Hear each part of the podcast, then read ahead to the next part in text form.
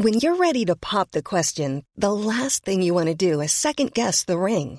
At Bluenile.com, you can design a one of a kind ring with the ease and convenience of shopping online. Choose your diamond and setting. When you find the one, you'll get it delivered right to your door. Go to Bluenile.com and use promo code LISTEN to get $50 off your purchase of $500 or more. That's code LISTEN at Bluenile.com for $50 off your purchase. Bluenile.com code LISTEN.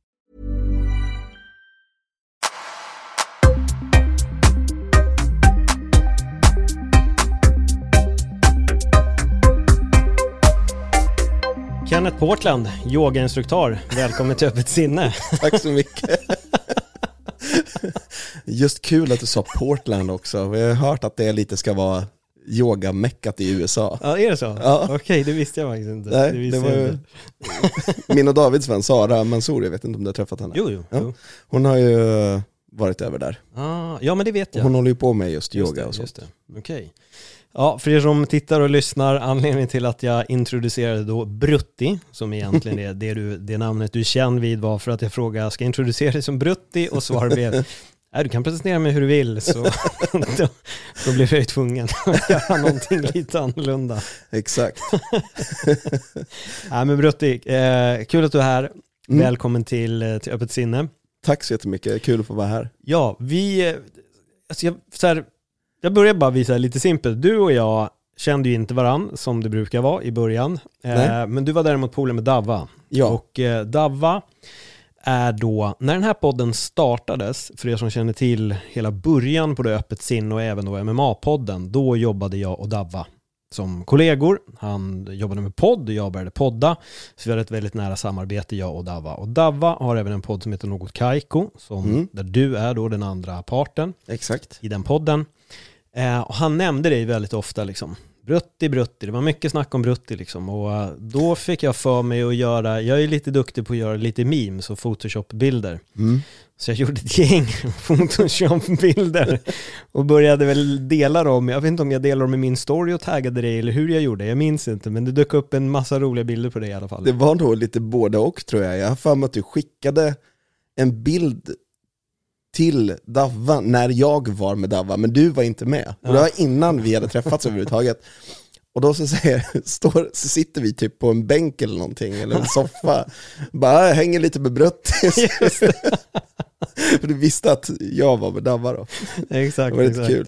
Ja, men du var ju så mytomspunnen, Man hörde, jag hörde så mycket om dig hela tiden och till slut sa jag, "Ja, fan, det här finns, det finns lite roliga grejer att göra. Min, min humorkreativa sida brukar ibland så kicka igång på lite ovanliga sätt. Mm. Och med dig blev det på något sätt väldigt roligt att spinna på idén att jag hängde med dig, men Davva var inte med dig och mig. Och vi kände inte ens varandra. Så det var, det var riktigt kul. Men eh, sen dess har vi i alla fall vi har träffats. Mm. Jag har gästat er podd några gånger. Så Ja. eh, om ni inte redan har lyssnat på något Kaiko så kolla in den. Det är bara att söka där poddar finns så hittar ni den. Jag Yes. tror jag har varit med i två eller tre avsnitt tror jag va? Tre tror jag. Tre, eller hur? Först var du med och pratade konspirationsteorier. Exakt. Och sen så plattjord. Och plattjord ja. Ja. Sen så var du med och pratade lite retroprylar, lite Just moviebox och sånt. Just det, just Och sen så var du med ganska nyligen. Djurgrejen. och pratade djur. Precis. Exakt. Nej, men det, var, det har varit riktigt kul. Och eh, du och jag har ju liksom då lärt känna varandra lite, så, här, så som man gör via sociala medier och lite kontakt där och här och där. Och eh, sen började jag väl tycka att det var nog dags för dig att kanske vara med i Öppet sinne. Så Mm. jag nämnde det sist jag var med och, eh, och poddade. Och så hörde du av dig bara egentligen för typ två, tre dagar sedan att du hit Stockholm. Ja, exakt. Så nu, nu sitter vi här. Ja, Spännande. ja. Det, är, Ja. det är jättekul. Ja, och det, det intressanta med den här podden är också att det är väldigt många gånger där samtalen börjar någonstans och så får vi se var vi landar. Och det var lite det vi egentligen bestämde redan från början, att vi börjar vid en punkt och så ser vi liksom lite var vi landar. Mm. Men jag har väl en startfråga egentligen, som Okej. är den här enkla. Var, var är du ifrån? För jag tror att många hör att det finns någon dialekt där hos dig. Eh, väldigt, många är väldigt svårt att pinpointa min dialekt. Mm. Därför att jag är lite av en dialektal kameleont. Det beror lite på vem jag pratar med ibland, märker jag. Eh, men jag är född i Östersund, men jag är uppvuxen i Valdemarsvik. Mm. Och mina föräldrar är ju från Jämtland. Vilket gör att jag har anammat deras dialekt. Men det hörs bara när jag pratar med dem. Ja. Eh, framförallt pappa. Av någon anledning, jag vet inte varför. Men eh, Han har väl bredare dialekt än mamma antar jag, eller något. Men sen kan jag märka själv att är det så att jag går in och pratar med någon som är från Stockholm, som har ganska bred dialekt, så kan jag börja prata stockholmska till Davas stora förtret. För när vi väl poddar så kan det vara så att jag byter dialekt. Ja. Vilket han inte gillar. Han bara, vi ska prata östgötska i den här podden. Men jag har ju ingen jättebred östgötska så jag tycker att det är konstigt. Nej, Dava har nog bredare. Ja, definitivt. Men jag kan ju Ja. få till den också om jag pratar med östgötska vänner som pratar brett. ja, men det kan jag tänka Så. mig. Det kan jag tänka mig. Men när började det här att du märkte att du, började, att du skiftar? För är det, Det- är det det- omedvetet som det sker eller? Det är, det är väldigt omedvetet, Ja. men det började redan när jag var liten. Mm. Det var mina, mina kompisar som på liksom lågstadiet som påpekade. Du pratar så roligt när du pratar med din pappa. Okej. Pratar jag annorlunda? Ja, Ja. okej. Det hör inte jag. Men tydligen. Hur, hur var livet eh, som barn med de olika dialekterna där du är ifrån? Det, det var väl inte konstigare än något annat, utan jag tror det var värre för folk som kom utifrån. Jag vet att en kille till exempel som kom från eh, eh, Rättvik eller någonting, Sandviken kanske. Någonstans i Dalarna, Mm. typ, eller närliggande. Som hade lite dalmål sådär. Och honom brukade ju folk gå på lite grann just med dialekten, men just mig så tror jag att de brydde sig inte så mycket. Nej. För jag pratade som dem när jag pratade med dem. Så de tänkte inte på det. Fan, dialektal kameleont alltså, det är något annorlunda. Mm. Det är det verkligen. Men bor du kvar där? Var, nej, var är du bor nu någonstans? Jag bor i Norrköping nu. Du bor i Norrköping. Mm. Vad är det du gör där? Jobbar du med spel eller hur var det? Nej, Nej. jag har jobbat i en spelbutik, Okej, ja. men det är några år sedan. Nu jobbar jag med eh, allting som har med konserter och event att göra, typ, kan man säga. Hur kom du in på det?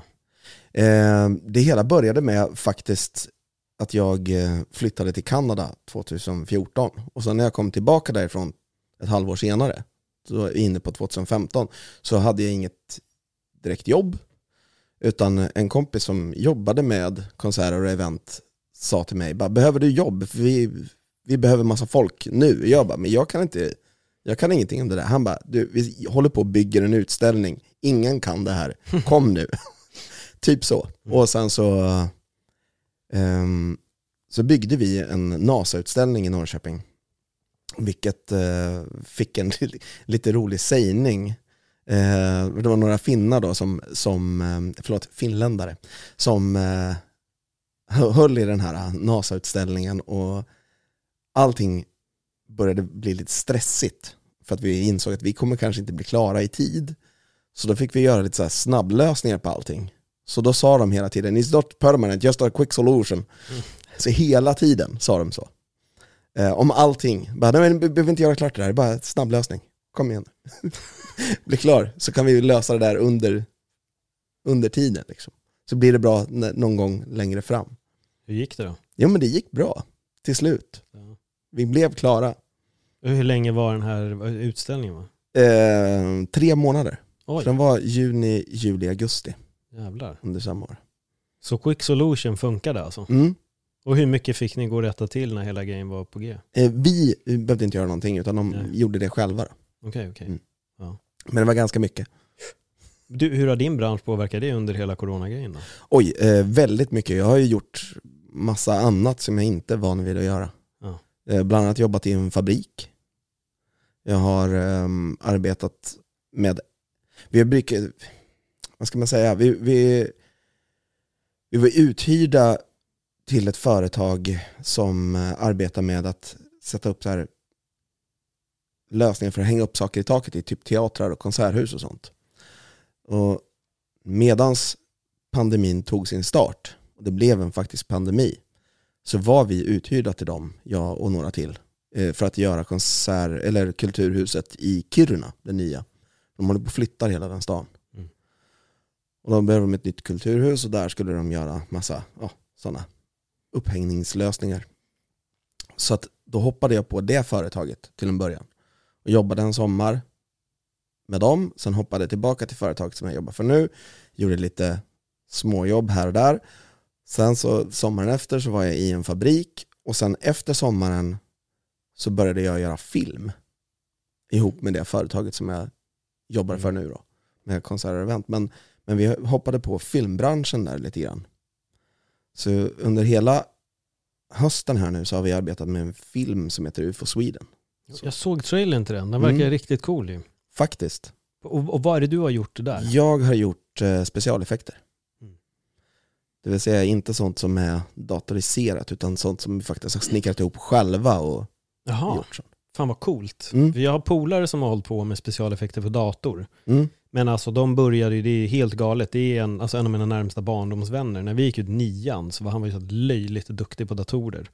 Och startade, eh, alltså de började göra animationer och de gick under namnet Mad Crew. Mm. Men sen blev de uppköpta här, för vi, vi har haft väldigt dålig kontakt senaste åren, men han blev uppköpt här för typ så fem år sedan och då träffade jag honom. Mm. Och då hade de ja, blivit uppköpta men jobbade åt ett större företag och har idag varit med och gjort animationer, både till så Star Wars-filmerna, Jurassic Park och alla möjliga rullar Mhm. liksom. Så det är jävligt coolt. Men det är riktigt ballt för att Star Wars har ju gått den tråkiga vägen. De gör ju bara animationer Mm. istället för att ha det här äkta som de gjorde Exakt. på den tiden. Men vad är det du fick göra då? Eh, byggt en bilreplika bland annat då. Eh, som vi snurrade ut ur en vagn med hö. Mm. Eh, man satte fast liksom en draglina i en faktisk bil och sen körde man bilen. Så bara puff så flög den ut. Sen har vi använt eh, tryckluftskanoner bland annat och sprutat ut massa hö överallt när jag ska köra igenom hö och sådär. Mycket sånt. Och sen eh, fått det att regna har jag gjort också. Ja, då får du förklara för alla lyssnare som har den här livsfrågan nu. Varför spöregnar det i alla filmer och duggar aldrig? Därför att dugg, duggregn syns inte i kameran. Nej. Det är så enkelt. För att det ska synas att det regnar så måste det spöregna och då använder vi vatten som, som rör med ett munstycke som har liksom sprutar åt allt. Så i, i 180 grader. Och sen så bara öser man på med brandslangar liksom. Tjocka brandslangar och sen så högt tryck och det bara forsar ut vatten. För det, jag tycker det är alltid så lustigt när man kollar på film, för folk är alltid dyblöta. Mm. Men i verkligheten så står man, ja det väl om man är liksom i någon form av monsun så kan det absolut se ut sådär när det blir Mm. extremt regn. Men i alla filmer som det bara rinner kläder helt blöta, håret i ett helvete och det bara forsar som fan. Mm. Men nu har ni svaret helt Mm. enkelt. Det syns inte när Det syns inte. film. Nej. Nej. Och det, ehm, det kan synas, det ska, det ska jag inte säga, eh, men man måste belysa det väldigt mycket då. Mm. Eh, helst solljus. Solljus är väldigt bra för att få dropparna att synas. Men, ehm, men för att det ska synas liksom när det inte är soligt, för det är ju oftast inte soligt när det regnar, då måste man ösa på. När kommer filmen? När kommer man kunna se den? Eh, 25 december i år. Okej, så då är det massa postproduktion som återstår då, eller hur ser det? Yes. Det är någon scen kvar att göra som jag nog inte ska vara med och göra, tror jag. Jag tror det var mycket drama bara. Kommer du göra en Hitchcock-cameo och dyka upp där? Eller Stanley Eh. kanske? Ja, inte riktigt en Hitchcock-cameo, men jag har en liten cameo. Mm. Eh, fast jag tror inte att jag kommer synas överhuvudtaget. Jag sitter i en polisbil och kör nämligen. Ah, Okej. Så att eh, jag, tror att det, jag tror att det kommer bara, man kommer inte se att det är jag, utan det kommer bara vara, där är jag, kommer jag kunna sitta. Men vad var det som gjorde att du halkade in i det här? För du har ju gått från att bo i Kanada till att komma hem, jobba med konserter, jobbat i fabrik och sen landar du den här grejen. Vad... Men det var ju just det att eh, det här företaget som jag jobbar för, de hade fått förfrågan att vara platsansvariga för den här filmen. Mm. Och då så tyckte min chef, men fan, du borde ju vara med Brotti, kom igen nu. Du, du. Jag bara, ja absolut, jag kan väl vara med. Men då hade de inte budget för att ha mig på platsavdelningen. Utan då så sa de, men vi kan behöva en kille, en extra kille på specialeffekter. Så då fick jag gå dit och göra en liten kort arbetsintervju med en av producenten. Coolt ju. Ja. Kommer du göra mer film efter det här, eller hur ser det ut? Eh, det tror jag inte. Nej. Ehm, eventuellt, alltså jag ska inte säga aldrig. Eh, för jag alltid, egentligen så har jag väl alltid varit lite så här, jag har velat göra film. Och så, men jag har hellre velat skådespela än Mm. stå bakom. Har du skådespelat någonting när du var yngre? Eh, ja, teater. Dialektal? Gans...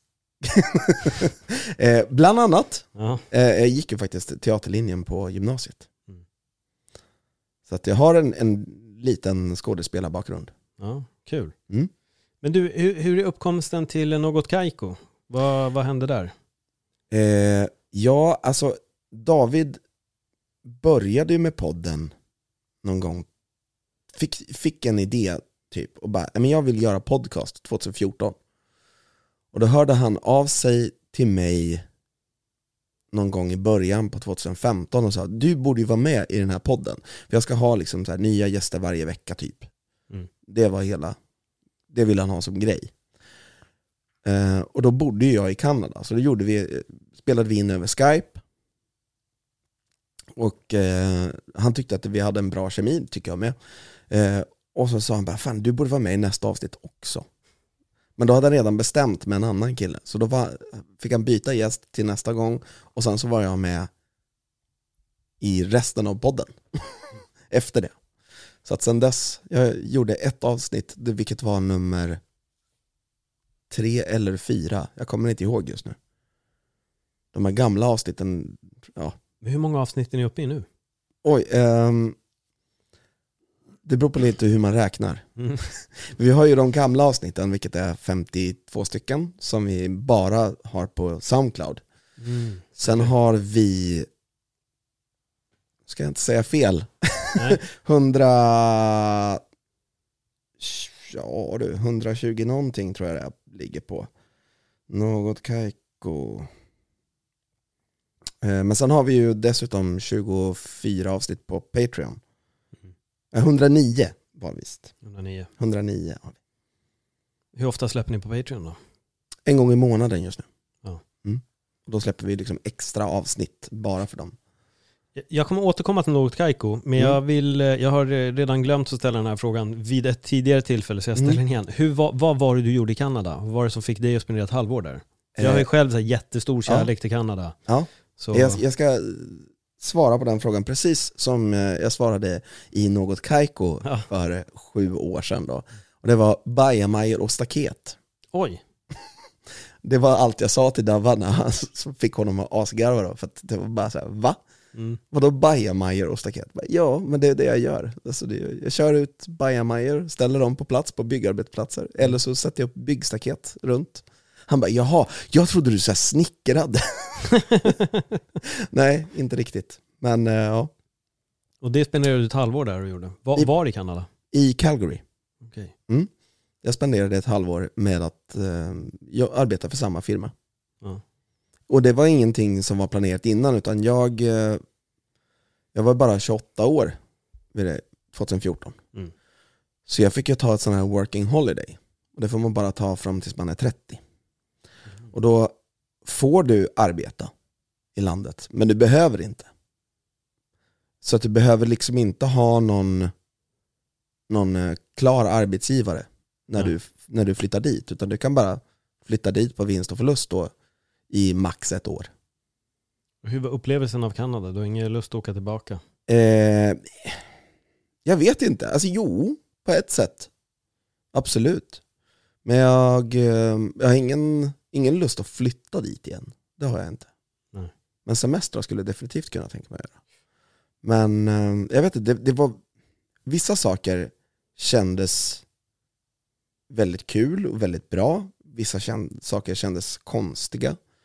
Ehm, man kan väl ta till exempel då att det, många brukar jämföra Kanada med Sverige i det hur landet styrs bland annat. Då. Och det kan jag hålla med om. Men sen så tycker jag att det är ett väldigt mycket så här lillebrorskomplex till USA också. Det är väldigt likt USA på många sätt. Mm. Till exempel, alltså typ, man känner igen sig vägskyltar och sånt. Det känner man igen mer USA än Ja, jo, Sverige. Ja, så att det är ser ju mer ut som USA Men känslan på folket är väl mer Sverige. Mm. Så det skulle jag väl säga. Ja, för jag vet det själv, jag tränade i en park. Och så går jag till ett par så här, ja, men monkey bars liksom, och skulle börja köra pull-ups. Och det var en annan snubbe som körde där också. Mm. Men det var ju stort liksom. Men jag tar en sida och börjar köra och han frågar så här, jätteartigt. Han bara, oh sorry bro, am I in the way? Jag bara, nope. Jag bara, you were here first. Han bara, yeah but man, if I don't want to be in your way if I'm disturbing your training. Jag bara, nej alltså det är lugnt. Jag bara, du var här först. Han bara, är det säkert? Jag bara, ja, alltså ja, det finns plats hos båda. Ah, shit, ja men fan bra, jag vill verkligen liksom inte sabba något i din... Ja men det här är ju helt galet liksom. Det är ju jag i sådana fall som ska fråga honom om jag stör. Men det var ju så här, han, jag vet inte, han tänkte väl bara att jag var så fokuserad och gick in och gjorde min grej. Men det är så typiskt kanadensare och det sa mina polare också. De bara, Mm. Det där är så otroligt eh, liksom kanadensare, vi är verkligen så. Mm. Vi vill alltid ge plats åt någon annan och vi upplever oftast att vi är i vägen för någon. Och, Oerhört artiga, trevliga. Ja, ja, men det är helt otroligt. Det är helt otroligt. Jag kommer ihåg också att det var en sån här uh, newspaper box Mm. som man bara kunde öppna. Mm. Och så skulle man då lägga in typ någon mynt. Mm. Och jag bara, men vadå, måste man inte lägga in mynten först för att öppna den? Han bara, nej det gör du efter att du öppnar den så lägger du in mynten där. Jag bara, fast då kan man ju bara öppna upp och ta en tidning. Han bara, ja, ja det kan man ju. Men eh, han bara, it's an honorary system liksom. Ja. Man, man, man sköter sig. Jag bara, jag bara, shit, det hade aldrig funkat i Sverige. Alltså det, Nej. folk hade man tagit den här tidningen. Och det var väl typ någon tidning som sa, men DN, Aftonbladet, Expressen, Mm. liksom något i den stilen. Jag tyckte det var jätteroligt, för jag tänkte, fan, men det borde ju istället vara tvärtom, så man lägger dit mynt för att ta en, men nej, man öppnar den först, tar sin peng, tar sin tidning och så lägger den med ner pengen. Mm. Och det är väldigt mycket sådana där grejer med, med Kanada. Men som du säger, de är ju sjukligt artiga. Mm. Alltså otroligt artiga. Alltså, det är ett helt annat typ av folk än, än USA. Mm. Vilket jag tycker blir väldigt tydligt. Amerikaner kan vara artiga, men det är på ett annat sätt liksom. Medan kanadensare är verkligen genuint artiga, där det nästan kan bli lite för mycket också. Ja. Lite för mycket artighet. Men då, det, det som jag tycker var kul med att, jag vet inte var du har varit någonstans? Vancouver. Vancouver, ja. För just i Calgary, de är så, det är verkligen Kanadas svar på Texas. Mm. Det, är, det känns, det är väldigt mycket så här hästar, hästar är ju allt i Calgary typ. Medan i Edmonton, 30 mil norrut, där är allting olja. Mm. Jag menar de har döpt sitt hockeylag Ja, till Edmonton Oilers. Oilers ja. till och med. Medan alltså i, i Calgary, där märker man det för att det finns någonting som heter The Stampede. Och det är så här hästevent som pågår hela sommaren. De har till och med döpt sin hockeyarena till The Saddle Dome och gjort den så att den ser ut som en sadel. Mm. Eh, vilket jag tycker är jättekul. Men de har, alltså, och, ehm, allting bara så här, fokuseras runt det här Stampede. Och det här företaget som jag jobbade på jobbade jag bara vinterhalvåret. Så jag fick aldrig se The Stampede. Då. Men de sa ju det att de har lite problem med att få ut allting under sommaren. Alltså deras lastbilschaufförer, de har ju så här ehm, container också, så skräpcontainer. De hinner typ inte åka och, och tömma dem, Nej. för det går så fort. De har liksom tre stycken lastbilschaufförer som åker konstant i princip. Och bara åker och tömmer dem där. Ja. Och de hinner typ inte. och så, så har de tre, fyra stycken förare som bara kör bajamajor. Fram och tillbaka, fram och tillbaka. Och det Och- hade kunnat vara du. Det hade kunnat vara jag. Ja. Ja. Men det hade nog, eh, just den där stressen hade nog spett på ångest tror jag. ja, men det kan jag tänka mig. Mm. Men då var det ganska lugnt under vinterhalvåret när du var där va? Ja det var ganska lugnt, för då var det bara byggarbetsplatser som behövde de här grejerna. Då. Mm. Vilket, ja, det är en evigt expanderande stad. Så att det är hela tiden byggs det. Och de, för att förstå hur snabbt den här staden har vuxit så kan man, alltså 1995 så bodde det 400 000 där. När jag bodde där 2014 då bodde det 1,2 miljoner där. Oj, ja det är snabbt. Så på typ 20 år då så hade det växt så pass mycket. Ja. Hur var det att komma hem? Hur tyckte du det kändes? För det för mig blev en ändå så här liten kult, alltså kulturkrock kanske är fel ord, men det var en, det var en skill, det var skillnad. Mm, absolut, det var ju en, en, eh, en stor skillnad tyckte jag. Ehm, Just det här i hur saker och ting funkar. Nu bodde jag det bara ett halvår så var det inte så här att jag hade glömt bort hur man betalar hyran eller Nej. att man, hur man söker en lägenhet eller så. Men, men det var ändå så här lite av en omställning för att det här med, med eh, företag som hyr ut hyresrätter, det finns ju liksom inte riktigt i Kanada utan du hyr av en privatperson eller så. Du köper en bostadsrätt och sen så hyr du en lägenhet av en, en privatperson. Eller så hyr du en källare av någon i någons hus eller så. Mm. Så det är ju lite annorlunda så, på så sätt kan jag tycka. Hur tyckte du var folket? Alltså som sagt, oerhört artiga, Nej, trevliga. jag, nu menar jag alltså att komma I- tillbaka. Att komma tillbaka ja, i Sverige. Skillnaden Jo, men alltså, folket. skillnaden på folket är väl ehm, först och främst att vi är verkligen den här memen när folk står uppradade och väntar på bussen och man står så här tre meter. Ja. Mycket sånt och sen så är det, råkar man gå in i någon så är det inte bara åh sorry eh, utan då är det verkligen bara vad fan vill du? Ja. Det, det är lite så här, vi, vi är mycket mer stängda så i Ja. Sverige. Det tycker jag definitivt. Det var min känsla efter jag hade bott i Spanien i alla fall i ett år. Då vet jag att när jag kom hem, jag tyckte det var så konstigt. Så här, folk hälsar inte på varandra och jag insåg också hur svensk jag är själv Mm. i det hela. Men det är det här att det knappt hälsa på någon och man tittar åt sidan även fast man går förbi någon. Och det, det, det, det är jätteudda beteende. Jag vet inte varför vi är sådär. Jag tror att vi har en vi har en tro om att vi är jättetrevliga vi svenskar. Åh, vi är så trevliga vi och allt liksom och folk älskar svenskar men alltså folk upplever oss som ganska dryga och otrevliga vad jag har hört. Mm. Speciellt när man lyssnar på spanjorer i de liksom svenska delarna, eller dit, dit svenskar åker väldigt mycket. De tycker att svenskarna är skitdryga. Mm. Man, kan, man kan gå granne med en svensk i fem år och säger aldrig hej. Det finns inte ens en, de hälsar inte ens på en. Det är Nej, jättekonstigt. Jag tänkte på det här om dagen faktiskt. Ehm, igår. För jag var ute i skogen. Mm. Och, ehm, och då mötte vi ett, ett äldre par på, på elljusspåret. Och de hälsade. Och min sambo bara, vem var det där? Jag vet inte. Nej. De hälsade så jag hälsade. Det var artigt, det var trevligt, Mm. det kändes bra. På något sätt. Men just, och det där har jag varit med om förut, att just när man möter någon i skogen, då hälsar vi på varandra. Men vi möter, möter vi en granne som vi har bott i samma hus som i sju år, nej, inte ska vi hälsa. Nej.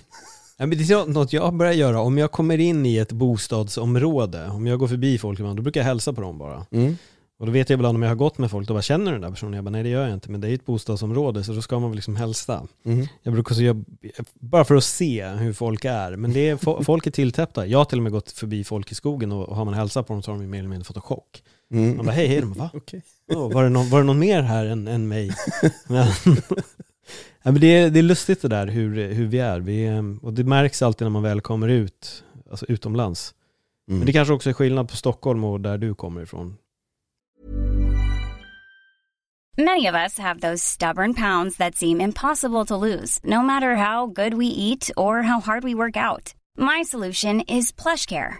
PlushCare is a leading telehealth provider with doctors who are there for you day and night to partner with you in your weight loss journey. They can prescribe FDA-approved weight loss medications like Wagovi and Zepbound for those who qualify.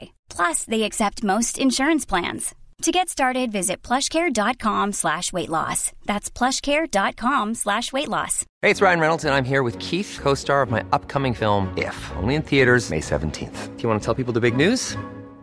All right, I'll do it. Sign up now and you'll get unlimited for $15 a month in six months of Paramount Plus Essential Plan on us. Mintmobile.com slash switch. Upfront payment of $45 equivalent to $15 per month. Unlimited over 40 gigabytes per month. Face lower speeds. Videos at 480p. Active Mint customers by 531.24 get six months of Paramount Plus Essential Plan. Auto renews after six months. Offer ends May 31st, 2024. Separate Paramount Plus registration required. Terms and conditions apply if rated PG. Mycket möjligt. Det, men det har hänt mig här i Stockholm också. Ja. Jag har ju bott i Stockholm i ett och ett halvt år.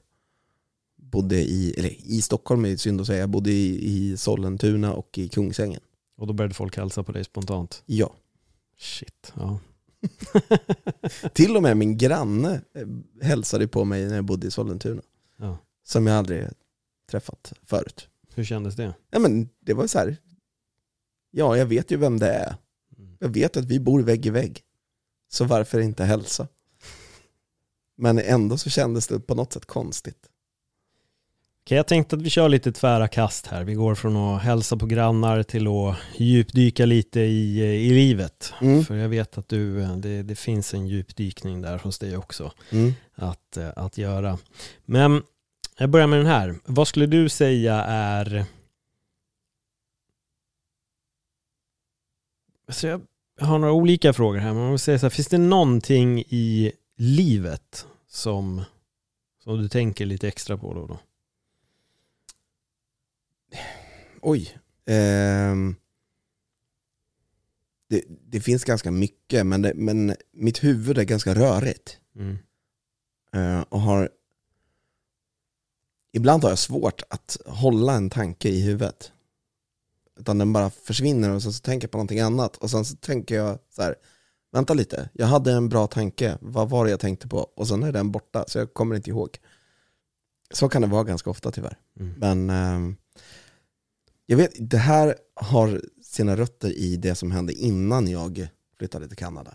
För då jobbade jag på samma jobb och tryckte liksom timmar bara för att få så mycket pengar som möjligt. Gjorde typ ingenting utan jag bara jobbade i princip.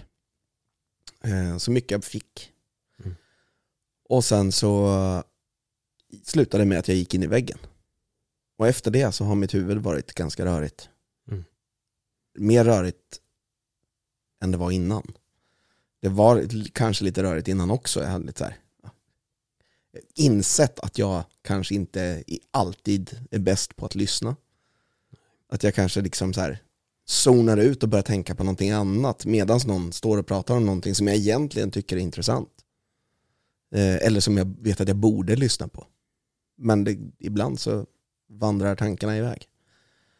Eh, och just sådana här grejer kan jag tänka på. Att jag borde försöka hitta en lösning på att koncentrera mig bättre. Mm. Jag borde hitta en lösning på att kanske bli bättre på att lyssna. På, på vilket sätt upplever du att du är dålig på att lyssna? Är det just att du sticker iväg i Det är just att jag sticker iväg, att jag kanske har jag, det är liksom distraktioner. Mm. Blir jag distraherad av, av någonting? Till exempel, min mobil är ju min största fiende tror jag. Mm. Jag kan sitta och titta så här, och så kanske jag typ gör någonting som inte kräver så mycket tankeverksamhet. Till exempel att man sitter och spelar en mobilspel medan man tittar på en film eller en serie. Men sen så får jag för mig att jag ska öppna upp Facebook. Och då börjar jag läsa saker. Jag har ingen koll alls på vad som händer i den här serien eller filmen jag tittar på. Och då är det så här, ibland har jag ju till exempel lyssnat på podd och gjort det här. Och bara, vänta nu, vänta nu, nu hänger jag inte alls med. Vad sa, vad sa de egentligen? Så jag spårar tillbaka kanske tio minuter. Men är inte det ett problem? Jag tror att vi alla har blivit mycket mer av multitasking i generation. För jag märker det själv att jag kan göra grejer. Jag kan spela Go på datorn och sitta och lyssna på någonting. Men det är en annan sak liksom, Mm. med sitta och lyssna. Men jag tror att det är väldigt lätt för oss att ta upp och vilja göra fler grejer. Jag Mm. upplevde det under en period att jag tyckte att jag såg så jävla mycket dålig film. Så här, Mm. Alla filmer var bara dåliga. Mm. Jag, bara, jag, bara, jag måste ha så stor otur nu när jag tittar på film för att det är inte en enda film som har varit bra. Jag tycker efter 40 minuter att de är rätt kassa och det slutar med att jag liksom, ja, men lider igenom den eller stänger av. Typ. Mm. Eh, Men så slog det mig, jag bara vänta det kanske är för att jag tar upp telefonen. Mm. 10 minuter in och 20 minuter in och 30 minuter in så kollar jag grejer i Instagram och Facebook och börjar läsa. Eh, Och då tänkte jag under den, en film som jag skulle se, jag tänkte jag bara okej, jag, jag ska inte ta fram telefonen en enda gång. Och fan bra film det var. Väldigt mycket bättre film. Jo men det blev ju det och då, det, det, då började jag verkligen tänka på det här dåliga beteendet som vi har med att liksom ta upp telefonen för att det gör ju det att så fort du tar upp den så har du brutit din koncentration. Mm. Och då händer det små detaljer i filmen hela tiden som man missar och det är till slut då man tycker att allting är väldigt dåligt. Det Mm. blir inget bra. Så jag tror att ser man film så ska man verkligen lägga ifrån sig telefonen helt. Så det jag började göra var att jag la den på flight mode i bokhyllan och så bara flyttade bort den. För att inte fastna i det här med att ta upp och, och sitta och titta. Och jag tror att det är, den där jävla telefonen, det är som du säger, det är nog allas fiende. Ja, Skulle jag nog säga. sen har ju jag, eh, alltså när jag gör saker som kräver min fulla koncentration så tycker jag att det är mycket roligare. Mm. Än att till exempel titta på film. Till, titta på film tyckte jag var det bästa jag visste för. Men det var innan smartphones. Ja. Nu för tiden har jag tagit upp en actionsport, airsoft, Vad är det för Är det soft air gun? soft air guns. Ja. Och tar jag upp telefonen där, då blir jag skjuten. Mm, Då gör det ont. Mm. det blir ju ändå, men, Ja. men ändå. Så där har jag liksom, det är ju full koncentration he, en hel dag i princip. Och så mycket bättre man når när man har varit fri från telefonen så länge. Jag var i Peru för typ två, tre år sedan och bodde i djungeln i en vecka. Och då valde jag också att inte köpa någon form av så här uh, wifi eller, eller någonting utan Mm. jag hade telefonen på flight mode i en vecka. Jag, tror, jag satte på den, jag använde den för att ta bilder. Mm. Det var det enda, bara bilder. Men ingenting annat. Men det var, alltså, jag har nog aldrig varit så närvarande i en vecka som jag var under den veckan. För telefonen, det utnyttjades inga appar, jag var inte inne på några sociala medier. Vaknade på morgonen i sin lilla bungalow, gick upp, käkade mat. Det var liksom så här, Mm. det var helt otroligt alltså. Härligt. Det är skrämmande med hur telefonerna får oss att fastna i timme ut och timme in alltså. Mm. Det är riktigt obehagligt. Just det här att du sa det, att en vecka utan telefon också. Att jag, jag och ehm, min sambo och pappa, bror och deras familjer, Mm. vi var på kryssning i, i Karibien för ett par år sedan. Och alltså, även om man har mobildata på sin telefon så går det typ inte att utnyttja den. Nej. För att ute på internationellt vatten så är, har ingen bra mobiltäckning. Framförallt inte mobildata. Vilket är ganska skönt. Mm. Och även om man gör lite stopp så här, då passar man på att titta sina någon timme här, någon timme där. Ja. En dag liksom. Men man bryr sig inte så mycket om det egentligen. Nej. Och man märker att man vill hellre uppleva det här som pågår nu än det som händer i telefonen. För det som händer i telefonen är ganska ointressant. Jag bryr mig inte om vad mina polare käkade till middag till exempel. När jag sitter på en strand i Mexiko. Mm. Då skiter jag det fullständigt faktiskt. Men jag vill jättegärna lägga upp en bild och säga hej, här, Ja. här är jag. Jo, det är ju det. Eh, Så det handlar väl mer om det. Ja. Men jag tror att just det här, just den där grejen också är någonting som många lider av. Nu, jag har inte så mycket ångest av det, men jag vet att i yngre generationer så har det pratats väldigt mycket om det här med like-ångest. Ja. Det tror jag att det är någonting som vi borde prata om, ta upp och egentligen ta bort. Mm. För att jag tror inte att det här med influencers är en bra idé för alla. För jag tror att det är väldigt många ungdomar som har problem med just att ja, men min kompis hon fick ju 140 likes på sin bild. Jag la upp en precis likadan bild på mig och fick 12. Och det, de, de jämför väldigt mycket Mm. vem som får mest och så.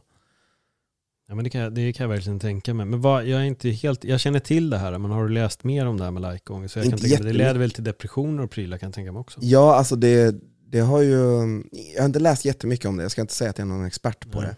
Men däremot så vet jag att det, just ungdomspsykiatrin har ju tagit upp väldigt mycket att det är någonting som ligger i bakgrunden hela tiden hos ungdomar. Just att det här med mobilanvändande och det här med sociala medier, att det ska vara så mycket likes som möjligt, att de jämför varandra hela tiden. Mm. Eh, vilket gör att de förr eller senare, vissa som kanske inte är de populära ungarna, kanske hamnar på just ungdomspsykiatrin. Då. Fast hade man gjort det för samma unge levt 20 år tidigare så kanske de inte hade hamnat där för att de hade annat att tänka på.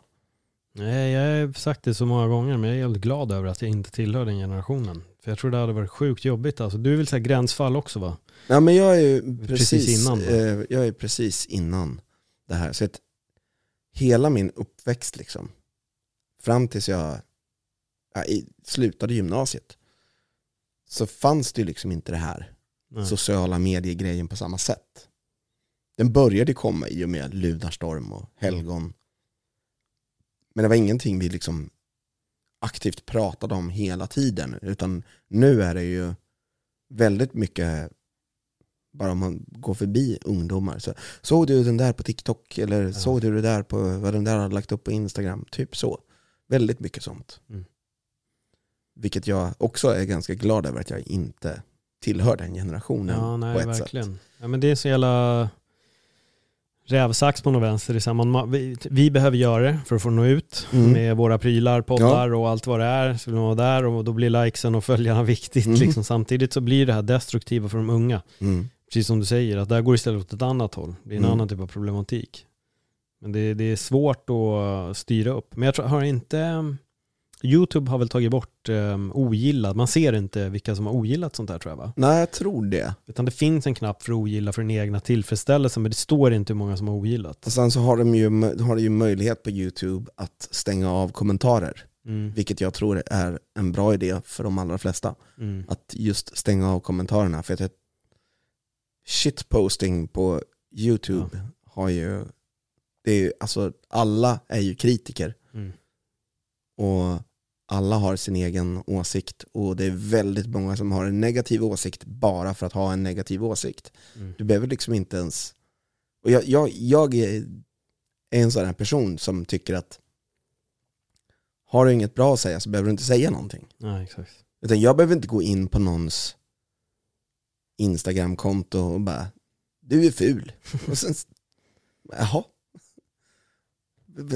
För vad gör det för bra? Ja, Det gör ju liksom ingenting bra för världen att den personen vet att jag tycker att den är ful eller whatever.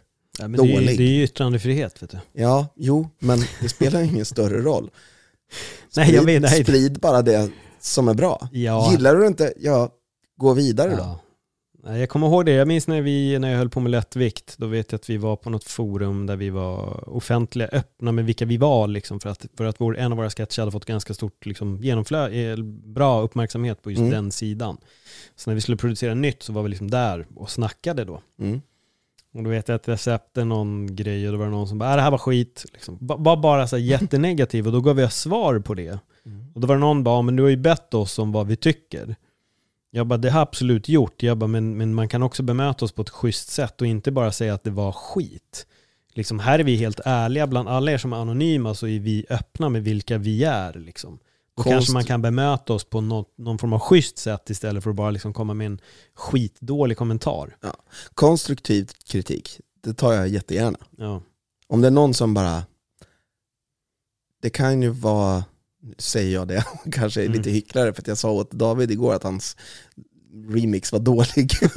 men men, ehm, eh, just det här med att vad var det som var dåligt? Ja. Vad kan du göra för att förbättra det?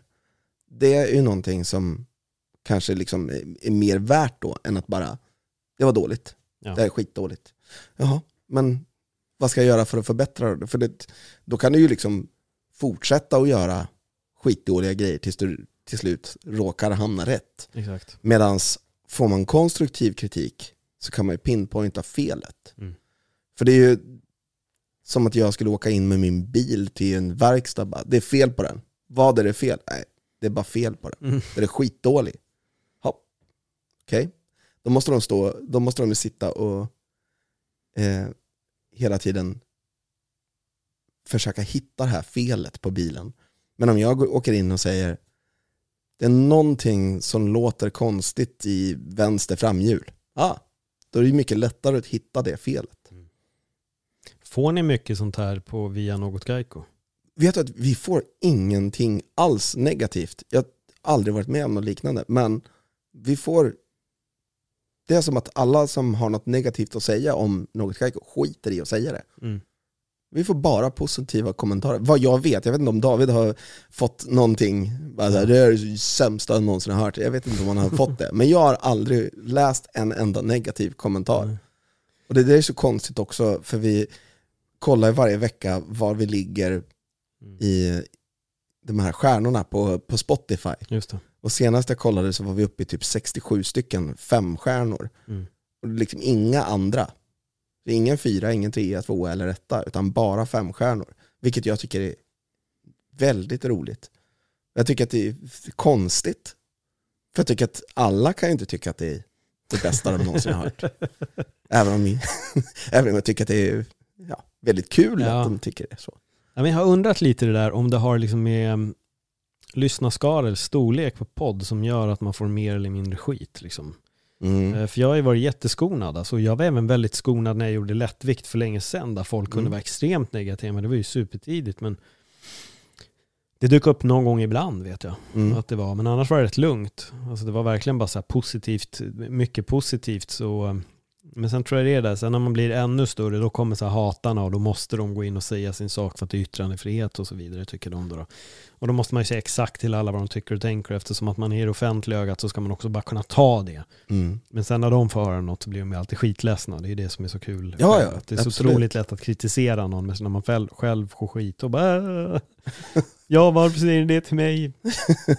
men, nej, men det är en lustig, det är en, det är en väldigt Ja, men det är som grej. att de tror att yttrandefri, yttrandefriheten bara går åt ett håll. Ja, Och jag har rätt att säga det här till dig. Ja, jag har rätt att tycka att du är dum i huvudet. Det Mm. goes both ways. ja. Men, ni Men- fick, men ni fick väl lite skit när ni gick på konspirationer och grejer?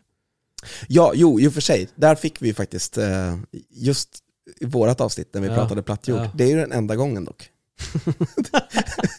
eh, för att plattjord Sverige, Ja, de, eh, de hade ju liksom, David hade ju bjudit in någon som skulle vara med i podden och sådär, och så, så blev det inte riktigt så, utan det blev du istället. ja, Och de fick, då spred ju han det här bland andra plattjordare. just det.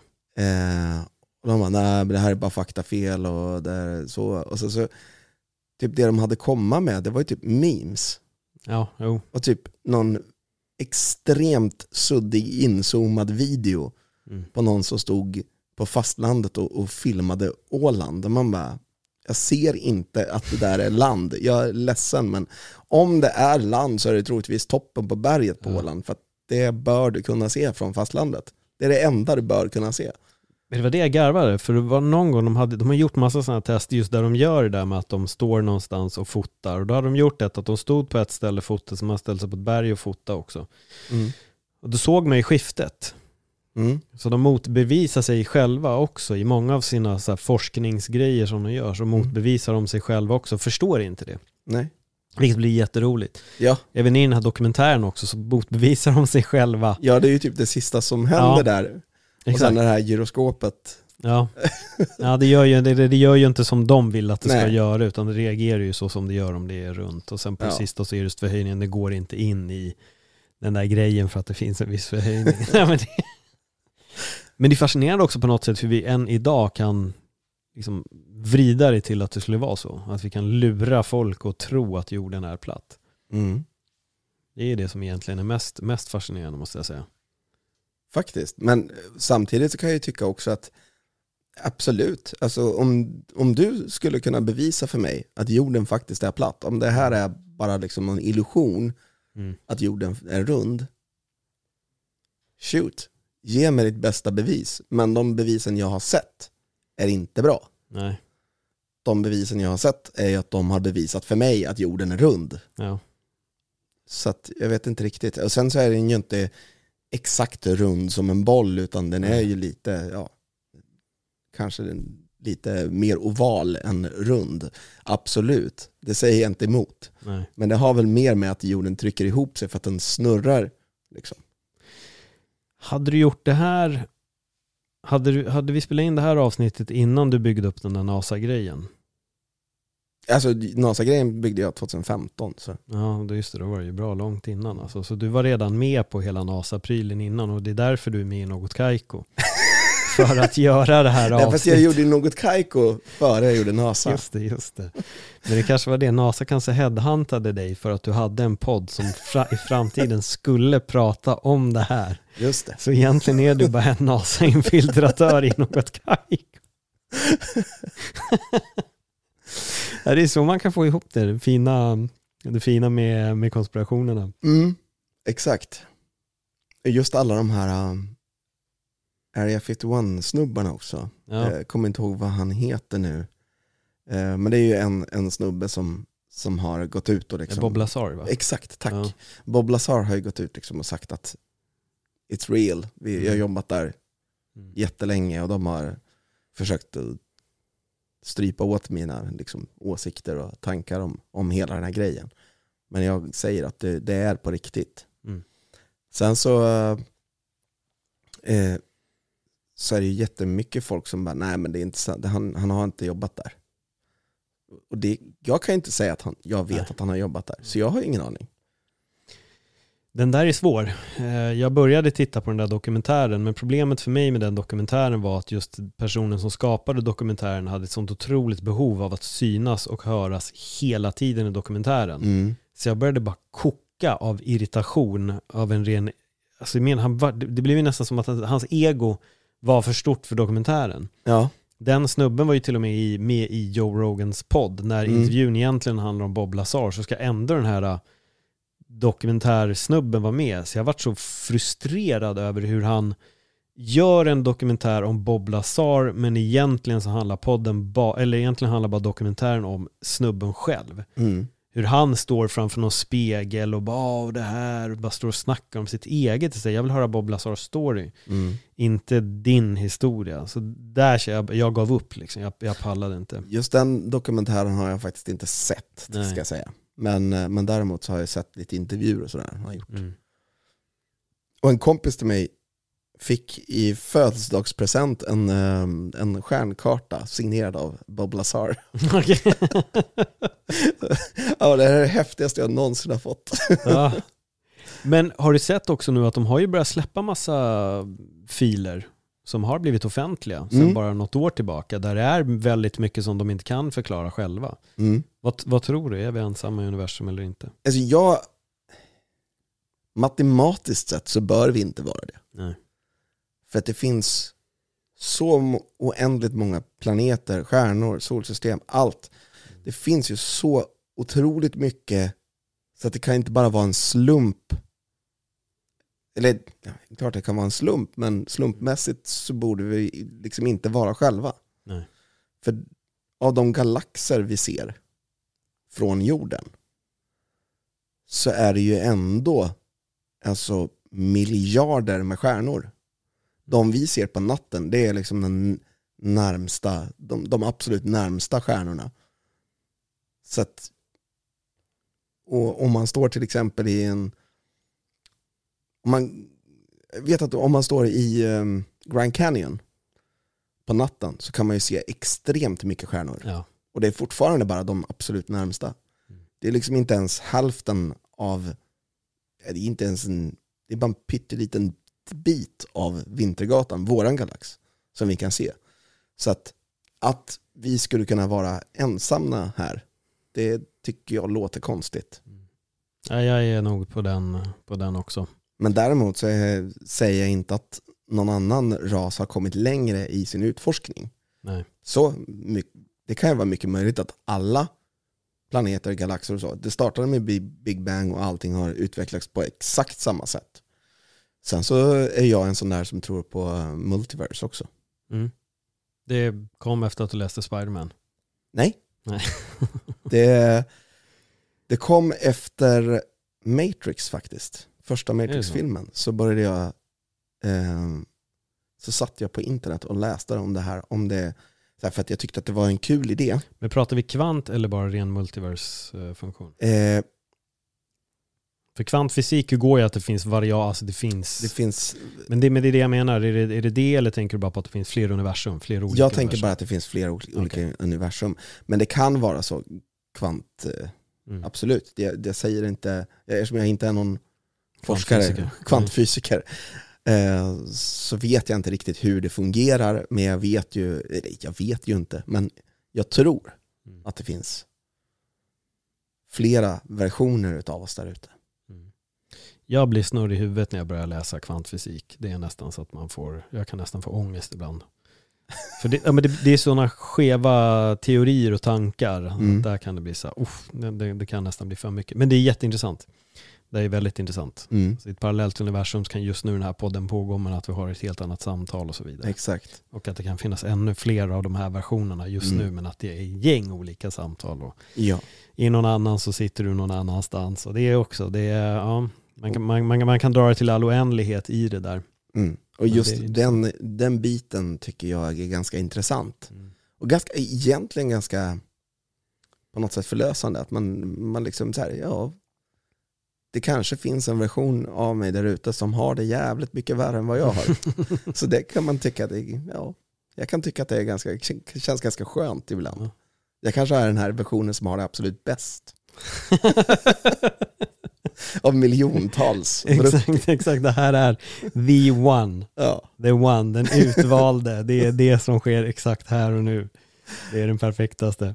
Jag tycker vi gör så här, vi avrundar med den tanken Mm. och låter alla lyssnare att få liksom suga på den idén att de har just fått lyssna på den bästa versionen någonsin utav Brutti eller Kenneth Copeland eller vad jag döpte det till. Portland. Portland, precis. Eh, men om folk inte redan följer dig på din resa, var hittar man dig då och var hittar man podden och vad heter den? Man kan följa mig på Instagram, det heter Brutti666. Eller så kan man följa våran podd då, Något Kaiko på Instagram eller Något Kaiko Podcast på Facebook. Mm. Så kan man ju även få jättegärna följa oss på, på Patreon också. Patreon.com slash Något Kaiko. Ja men snyggt, snyggt. In och följ, in och lyssna. Eh, Den här podden har också en Patreon, jag är bara jättedålig på att marknadsföra den, men nu måste jag göra det. Eh, Patreon.com slash opetsinne så är ni med och stöttar podden i processen, i resan. Och vill du att jag ska bjuda in någon specifik gäst, hör av dig till mig. Jag finns på Instagram och det är att Paul Elvaje. Vill ni att jag ska höras oftare i Något Kaiko, skriv på. Något Kaikos sida. Kom med konstruktiv kritik, typ som att nu bör Paul kliva in där igen och spekulera lite med er. Eh, supertack för ett bra samtal. Tack själv.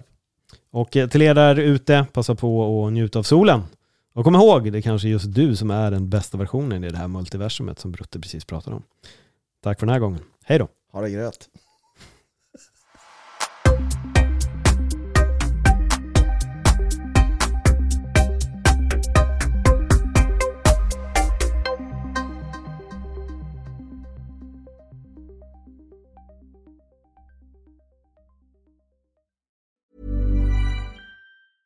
Even when we're on a budget, we still deserve nice things. Quince is a place to scoop up stunning high-end goods for 50 to 80% less than similar brands. They have buttery soft cashmere sweaters starting at $50, luxurious Italian leather bags, and so much more.